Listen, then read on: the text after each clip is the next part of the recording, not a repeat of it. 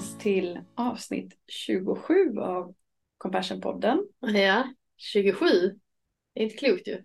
Nej, det är inte klokt. Nej, jag trodde typ det var 21 eller något sånt. 27. Ja. ja. Vi har spelat in utan att du visste om det. Nej, jag var inte i kontakt med mig själv de andra gångerna. För idag ska det handla om kontakt och icke-kontakt. Ja. Intressant tycker jag. Mm. Det är jättespännande för nu har vi suttit och pratat jättemycket. Nej, vi har pratat färdigt. Nej. Nej, men alltså det som är intressant är för att det finns så många olika lager med det här. Kontakt, vad, vad menar vi med kontakt? Vad skulle du säga? Oh, vilken bra fråga. Vad menar vi med kontakt? Eh, jag tycker att det är lättare att beskriva det med icke-kontakt Mm. egentligen. Mm. Att, att den är, när det blir tomt, när det inte finns någon, vad ska man säga, jag gillar ordet resonans, Mm. alltså jag blir inte bemött. Det finns liksom ingen, eh, inget gensvar. Obehagligt som attan. Obehagligt som attan, ja. Mm. För, för om man tänker hur känns icke-kontakt? Alltså, jag tänker ju att det, det använder man ju till och med som använder man ju till och med som en härskarteknik eller mobbingteknik faktiskt. Att, att, att utesluta någon annan, kanske subtilt med att inte titta på dem, inte skratta när de säger något kul eller inte hälsa när de kommer in på rummet. Sånt, sånt. och det väcker ju enormt obehag i människor liksom. Jag, jag vet att jag läste om någon sån um, uh, urbefolkning där man hade ett straff som var värre än döden. Mm. Och det var att man fick leva men blev helt alltså, ignorerad av resten av stammen. Mm. Som om att man inte fanns. Usch, Som man var osynlig alltså. Ja. Och det ansåg man då var värre än att Mm. bli dödad då för Mm. att man hade gjort någonting hemskt då. Mm. För det känns ju obehagligt. Icke-kontakt känns ju oftast väldigt oroligt, eh, obehagligt, som att man inte finns och som att man, man, man inte betyder någonting och som att mm, som ett hot på något sätt också ju. Alltså, Ja. Det känns väldigt, väldigt obehagligt. Eh, För jag, och, mm, och jag tänker att om det är någonting som triggar igång osäkerhet i oss så är det ju verkligen icke-kontakt. mm, Då, då blir vi väldigt osäkra på oss själva. mm, Sa jag något fel? Har jag gjort något fel? Mm. Är jag okej? Eller mm, eh, mycket, både skam och självkritik kan komma från Mm. den här icke-kontakten. ja. Jag tänker att att du nämnde innan när vi pratade just det här med ett så tydligt exempel om, om man säger redan från anknytning, alltså från när man är liten, eh, om, om de här barnhemsbarnen. Mm. Just det. Så eh, om man, eh, när man har tittat på barnhemsbarn så eh, då har man tittat på barnhemsbarn som har fått allt det här formella. Liksom. De får kläder, mat, de har leksaker. Ehm, men det är förstås mycket olika personal, mycket rotation på personalen och så vidare. Och där man kan se liksom tydliga skillnader i hur barnen interagerar med omgivningen utifrån hur mycket känslomässig kontakt man har haft. Mm. Eh, där barn som har haft känslomässig kontakt är också mer säger, livliga i att de liksom söker kontakt, vill ha kontakt, de agerar liksom utifrån att få kontakt. Mm. Medan barn som då inte har fått det, de blir lite som, man skulle kunna uppfatta det som fogliga barn, men de blir snarare lite vandrande zombisar som Mm. liksom inte ställer några krav på sin omgivning och inte, De bara går där liksom. de bara, de bara existerar. Mm. De har på något sätt gett upp, Ja.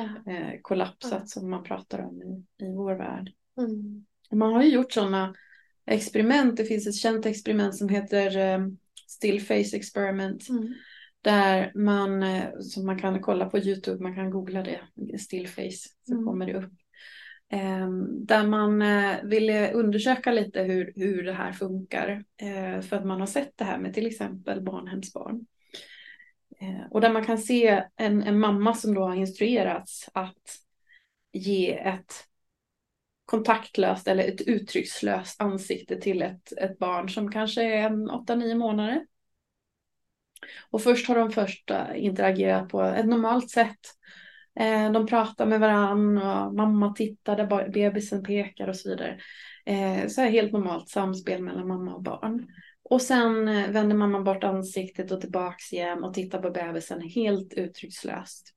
Och det tar inte mer än ett par, alltså tio sekunder innan bebisen börjar visa ganska starka tecken på obehag och mm. panik. Eh, och först försöker bebisen dra in mamman och få igång henne på de sätt som bebisen har. Eh, pekar, sen blir det liksom mer och mer stress i den här lilla, lilla bebisen. Den börjar skrika, göra skrikande ljud för att se om mamma reagerar. Mamma reagerar fortfarande inte. Eh, och till sist så ehm, eh, blir, börjar bebisen gråta och skrika. Och man ser den här paniken börja komma. Och man ser också hur bebisen börjar gå in i någon form för kollaps. Och det här, allt det här sker på under 30 sekunder. Mm. Det är inte klokt. Det är inte klokt att det skapar så starka reaktioner men det säger någonting om vad som händer om vi har upplevt det här kontaktlösa en längre tid. Mm. Eh, jag tänker till exempel om någon är deprimerad och man inte riktigt känner att man får kontakt med personen. Mm. Jag tänker också i ett stressat samhälle mm. Där vi kanske är så upptagna med oss själva som får inte mm. kontakt. Det eh. kan ju många beskriva det som att om man har varit stressad så har man ju tappat kontakten både med omvärlden och sig själv och sin kropp. Då tunnelseende liksom och att eh, ja, men när man kanske börjar komma ur en utmattning eller stress så, så att, att världen öppnar upp sig igen. Att helt plötsligt börjar man liksom se kanske leenden på människor. Man börjar se lustiga hundar igen eller fina löv på träden eller sådana saker som gör att man är en del av något större och mm. connectar med andra människor. Så, så, som gör ja, men, saker som man kanske inte tänker på som gör att det, det, det är, ger glädje i livet. Liksom, att man känner en mening och en tillhörighet. Och så, otroligt viktigt. Mm. Ja, jag tycker att det är bra att du säger det för det är inte bara kontakt med att vi sitter och, tittar på varandra eller liksom att man mm. får det här eh, gensvaret när man sitter och pratar som, som mm. du och jag har nu. Mm. Utan det handlar ju också om att känna att jag är en del av någonting. Alltså Förundran är ju en sån känsla ju som Absolut. är så viktig. Det är också att man är i kontakt med något, att man bara Wow, kolla den solnedgången. Otroligt att jag är med om detta just nu.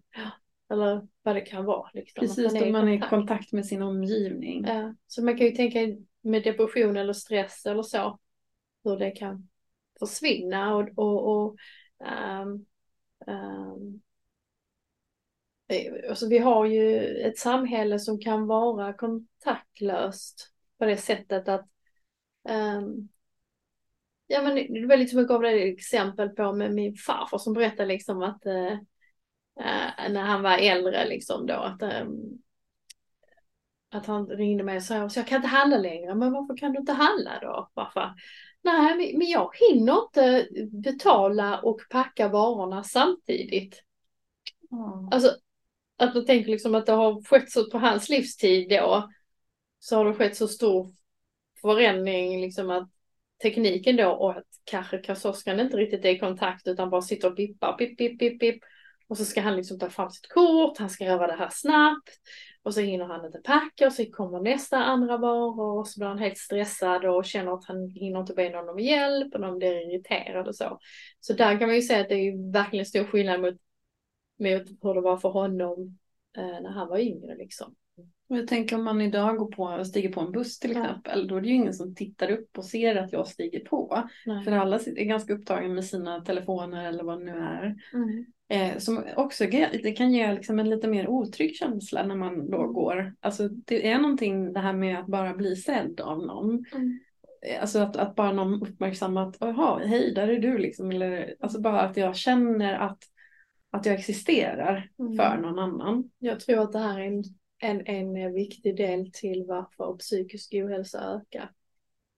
För att om vi inte är i kontakt med oss själva heller, våra känslor och tankar och kropp och så, så vet vi inte våra behov heller.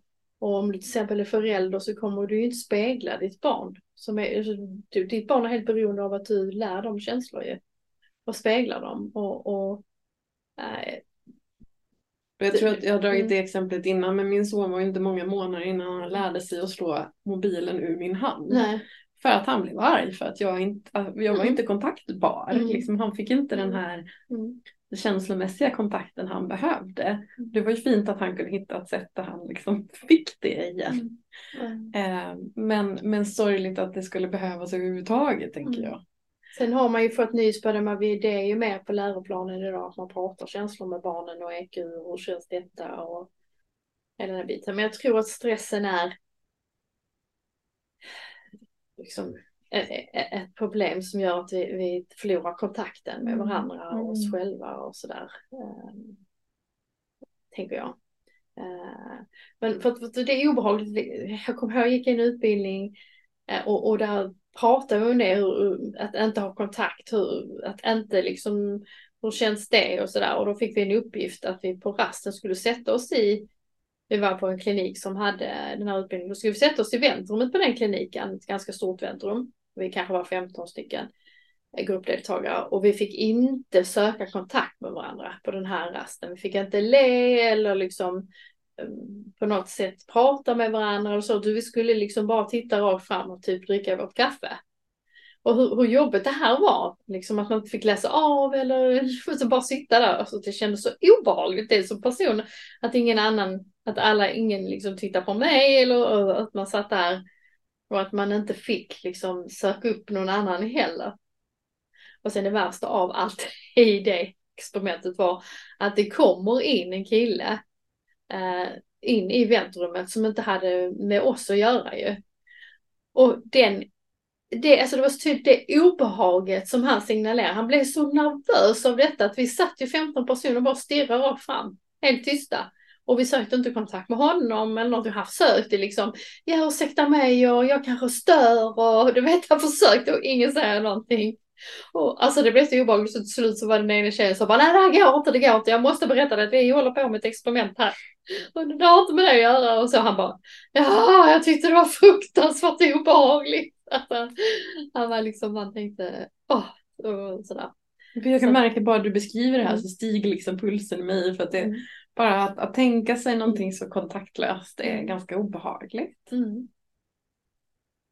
Och jag tänker att, att, att ehm, för ibland så, så lägger vi så stor press på oss själva kring vad, vad, kontakt ska vara också. Att det ska vara liksom de här, ja, det ska vara en, en, en vän som jag kan prata Mm. med allt om och så Mm. vidare. Men det är inte riktigt det du och jag vill prata om. Vi pratar om, om ganska enkel kontakt. Alltså typ att bara liksom titta upp när en människa stiger in i ett rum eller, eller uppmärksamma hur det ser ut ute just nu eller den typen Mm. av där vi är i kontakt med vår, med vår omvärld. Ehm, och att det, det också ger ett ganska stort välbefinnande tänker jag, att, att bara känna att jag, Mm. jag, jag finns i den här världen. Mm. Men också Jag, jag tänker på den filmen nu när du nämner det här med Avatar. Kommer du ihåg de blåa? Ja. Och, och då lever de ju i kontakt med jorden, Mm. där de är liksom i trådar som hänger ihop, du vet både med de som har levt och inte lever och träden Ja. där. Och, och eh, de sa ju också I see you, liksom att det var så de liksom hälsade med varandra. Och att det var ju också någonting om, om man, om man skulle ha så en jättestor fågel att flyga på som man hade så behövde den fågeln connecta med dig eller något sånt. Alltså de hade, det var, allting handlar om kontakt egentligen, där är den. Och att i den filmen liksom så tydligt, de vill väl påvisa att vi inte har den kontakten riktigt med. Ja, någonstans så blev det lite också synonymt med att värna om den värld vi är i. Mm. Och Ja, om med vi är miljön idag, alltså så att vi faktiskt inte riktigt är i kontakt med vår jord Ja. och den problematiken. Ja. Det är många lager i den här kontakten. Ja, för det, det, det är någonting kontaktlöst i det också. Jag, Mm. jag försöker lära barnen liksom vart, vart maten kommer ifrån. Mm. För att de inte ska förlora den kontakten. Mm. Att, att det, det här, här har det ju liksom lagts, alltså det här är det är ett djur som har offrat sitt liv för att Mm. du ska få äta det här. Och, alltså du vet att man faktiskt ska få eh, hänga ihop med den värld vi lever i. Man tänker bara att det är köttfärs så tänker man inte med. Nej, precis. Mm. Och det är därför jag inte kan äta kött. För att jag har den kontakten. Jag har inte någon förträngning alls överhuvudtaget. Utan jag ser bara en ko. Jag ser ingen köttfärs. Och att man liksom på något sätt också behöver förhålla sig till, till, till den värld man är i. Mm. Vi är ju en alla, alla en del av det. Mm. Och du var lite inne på det här med hinder för Mm. eh, den här kontakten som stress till exempel. Mm. Eller depression. Vad tänker vi att det finns mer för hinder för kontakt? Alltså, men hinder är ju också, det är det som vi sa om vi har lärt oss eller inte. Alltså så. För att det är ju också otroligt obehagligt, kanske otäckt att att titta inåt om du inte har lärt dig det eller att sluta springa ifrån din kropps signaler eller sluta springa ifrån att du kanske egentligen har något, behöver inte vara något trauma, men kanske trauma, men något sorg eller eh, eller bara känslor som vi har, som är, alltså vi har ju, det går ju upp och ner eh, eh, liksom. Alltså att, eh, det är klart att det är läskigt då och ska stanna upp och ta den kontakten. Mm. Men, men, eh, och jag tänker lite på att, att kontaktlösheten föder ny kontaktlöshet. Alltså i att om jag inte är i, i eh, kontakt med mina känslor eh, och mitt jag Mm. eh, och så möter mina barn på det kontaktlösa sättet så Mm. kommer jag föra kontaktlösheten vidare också. Mhm, Det går ju, ja. Precis, det går i varv. Eh, men jag tänker också att det så kan det ju vara på en arbetsplats också. Att Mm. Om, om vi är, alltså vi har en, en, en atmosfär av att vara väldigt stressade och kontaktlösa i det eller det är väldigt mycket uppkopplat. Där vi kanske inte har riktigt redskapen för att skapa kontakt. Mm. Att då kan man också få någon, någonting som blir väldigt kontaktlöst som gör att man själv också blir väldigt kontaktlös. Mm. Eh, Så jag, tänker att det också sprider lite ringar på vattnet och att Mm. vi också kan vända det maskineriet i att börja Mm. vara mer i kontakt med vår omgivning. Mm. Eh, Ja, att man kan börja liksom, det då lite om man tycker att det är jätteobehagligt så kan man ju börja små steg. Alltså vara i kontakt med naturen eller kontakt med främlingar på stan eller le lite eller kassörskan eller fånga upp de som är närvarande där man är. Lite, börja, börja lite där. Mm. Uh, mindfulness är ju en träningsform som där du, du verkligen stannar upp här och nu och, och känner in din kontakt med din kropp ju. Och, och, och är man utbildad i mindfulness så vet man ju om att det här kan vara olika svårt för, för människor. Det kan vara otroligt ångestladdat. Om, de har inte haft, haft icke-kontakt med sin kropp väldigt länge så kan det vara otroligt ångestladdat. Kan man börja med att bara känna in tårna. alltså, Mm. alltså, så att, ehm, men, men, men kroppen är ju ett jätteviktigt verktyg för kontakt, tänker jag, med sig själv. Ja, jag vet att när jag har varit riktigt utmattad då har jag efter, efteråt eh, noterat att jag slutade ta ögonkontakt. Eh, men jag tänker att det är en sån enkel grej som man kan börja med Mm. när det gäller just kontakt i att, Mm. att ja, men titta på kassörskan i Mm. affären eller liksom ta ögonkontakt när jag stiger på bussen. Mm. Eller, Mm. eh, bara titta på människor jag möter ute på gatan. För väldigt många går runt och kanske känner sig lite kontaktlösa och Mm. ensamma. Mm. Eh, och det där kan göra så himla stor skillnad, inte alltid på ett helt medvetet plan, men det kan göra att jag känner mig lite mer sedd just den dagen. Lite mer eh, verklig och närvarande just den Ja, dagen. men det kan ju göra jättestor skillnad. Och så vet jag, hade ett sånt favoritcafé som har gått i konkurs nu, men eh, eh, som jag vet, där trivdes jag och eh, de hade sköna fåtöljer och sånt. Ja, vi var ju där och så. Och då eh, började de ju lära känna mig, de som var där och en del av de som jobbade där var ju så himla hallå och hej och de visste vad jag jobbade med och de vill prata lite om grejer och sådär och eh, visste vad min eh, favoritmat var och sådär. Mm. Så det blev ju så himla mysig stund liksom Mm. att eh, få komma dit. Det är ingen djup vänskap men Nej. den här känslan av att jag existerar liksom för någon annan. Nej.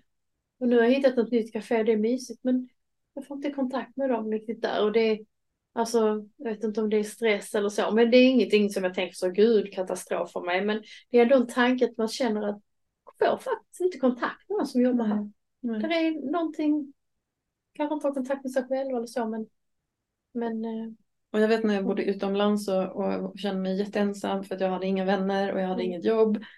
Så var det, det där, det där var liksom min räddning att typ Mm. folk på kaféet som jag brukade gå till och sitta och tycka synd om mig själv Ja. kände igen mig och hälsade på mig. Ja. Inte, inte så här att de visste vem jag var, liksom mitt namn eller något sånt där, utan bara att, Mm. att jag fanns Ja. ungefär. Jag Så fanns där är ju på där. olika sätt. Dels är det den yttre kontakten ju, med omvärlden. Eh, Men mycket handlar ju om sin egen kontakt, Mm. alltså med sig själv Mm. också. Mm. Jag tänker att, att där ni som har lyssnat på avsnitt förstår ju om vi vill koppla självmedkänslan till detta. Där självmedkänsla handlar om att lindra jobbiga känslor och sådär. Mm. Så att du kan ju tänka att man bör vända och träna sig på att ta kontakt med sig själv. Att självmedkänslan är ju verkligen till hjälp. Och den finns ju inom dig. Mm. Även om du kanske känner och upplever att du inte har kontakt med den. Mm. Så är den ju där någonstans. Sen såklart är det olika för olika människor. Den är ju lättare för vissa som kanske har haft mycket kontakt och mycket med, alltså haft en medkännande plats när de har vuxit upp och så känner igen det snabbt liksom. Mm. Eh, Och för andra så är det en längre väg att gå. Jag kan tänka att, att, att ett första litet steg är kanske bara att, att bryta den här kontaktlösheten mellan huvud och kropp. I att, att kanske bara känna in så här, men vad är det som känns i min kropp just nu? Mm. Alltså typ, är det spänt någonstans? Är det mjukt någonstans? Alltså du vet, bara känna in det. Mm. Ehm, och så bara träna upp den förmågan lite och så här, ja men nu känns det som om att det är någonting oroligt i kroppen. Mm. Kanske blir nästa steg att man börjar känna in någonting annat. Ja, okej. Men jag tänker ju mycket när man pratar om traumabehandling och så handlar det väldigt mycket om kroppen. Mhm. Och i trauma så handlar det ju verkligen om att du har tappat kontakten. Alltså att Mm. du har brutit kontakt kanske med din kropp och känslor. Och, Mm. och brutit kontakt med minnen. Och, alltså, för att det är för smärtsamt. Och är det, det kan ju vi se när man ser eh, patienter. Det finns ju något som heter disassociation. Det är ju verkligen att man bryter, eh, man går ur sin egen kropp. Mm. Eh, För att eh, det, har, det har varit så pass smärtsamt som man lämnar sitt eget, sin egen kropp och psyke kan man säga. Och det, det ser ju speciellt ut men det, man ser ju när en patient gör det. Ja, Man men- kontakt med dem, de är någon helt annanstans. Men jag tror att vi gör det lite då och då hela tiden när vi Mm. blir väldigt hotfokuserade. Mm. Att då tappar vi lite kontakten, vi går ju lätt upp i huvudet då, så Mm. tappar vi lite kontakten med kroppen. Eh, och lite vad som händer i kroppen överhuvudtaget. Och jag tror att, att ska man jobba med den inre kontakten så tror jag att, att det här med att känna in kroppen till att börja med en bra början i, i att återupprätta någon form för kontakt Mm. Kroppen börjar också, ju mer vi lyssnar på kroppen ju mer börjar den signalera så det blir liksom lite en så Mm. bra feedback-effekt Mm. på det. Ehm, Men jag har ju nämnt det flera gånger att för mig kan dans liksom vara väldigt skönt Mm. att få kontakt med min kropp och liksom kanske få fri, frigöra, släppa spänningar eller och så. Eh, jag berättade för dig innan med om att jag blev påkörd i trafiken, en obehaglig upplevelse och att jag flö, var av vägen. Jag helt, mår helt okej men det var ju jättejobbigt psykiskt liksom att Mm. bara var så chock liksom och kropp, kroppen var så spänd.